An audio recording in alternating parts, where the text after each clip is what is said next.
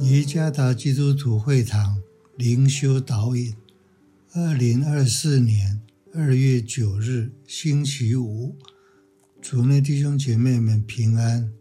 今天的灵修导引，我们要借着圣经《生命记》十一章八到十三节来思想今天的主题，在他的看顾里顺服。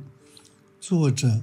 古发起牧师，《生命记》十一章八到十三节。所以你们要守我今日所吩咐的一切诫命，使你们胆壮，能以进去，得你们所要得的那地，并使你们的日子。在耶和华向你们列祖起誓应许给他们和他们后裔的地上得以长久，那是牛奶与蜜之地。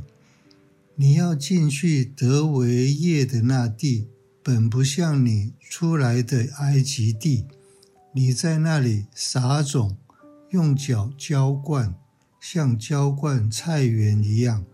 你们要过去得为业的那地，乃是有山有谷、雨水滋润之地，是耶和华你神所眷顾的。从岁首到年终，耶和华你神的眼目时常看顾那地。你们若留意听从我今日所吩咐的诫命，爱耶和华。你们的神尽心尽性侍奉他。在中东，水是严重的问题，该地区的国家为了争夺水源地，经常发生争执。可以理解的是，中东大部分土地都是沙漠，水源稀少，降雨量极少。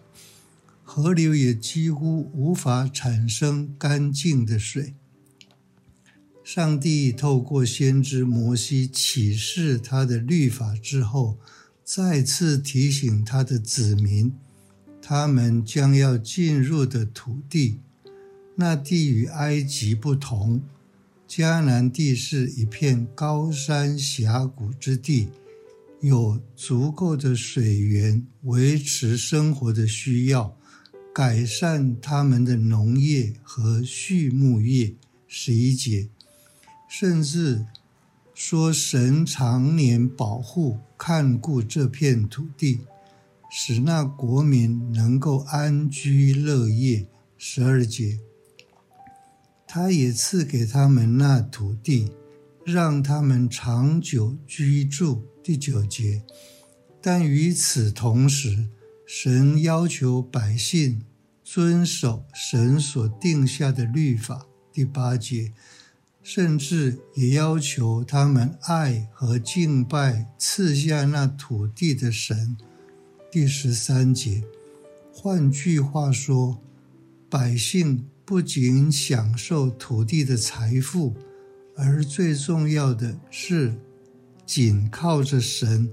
那赐福的源泉而生活，因为如果他们与神隔绝了，那么他们的生命就远离了神的保护看顾。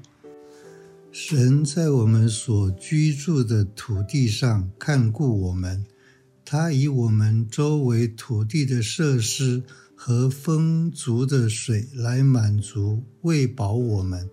这是神难以形容的恩典。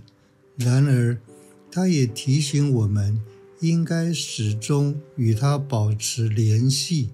我们必须遵守写在他话语中的诫命。有些事情我们应该避免，但有些事情我们应该做。顺服不是因为压力和威胁。而是因为对神深深的爱，生命不只是享受他的祝福，更是遵行他的诫命。主耶稣赐福。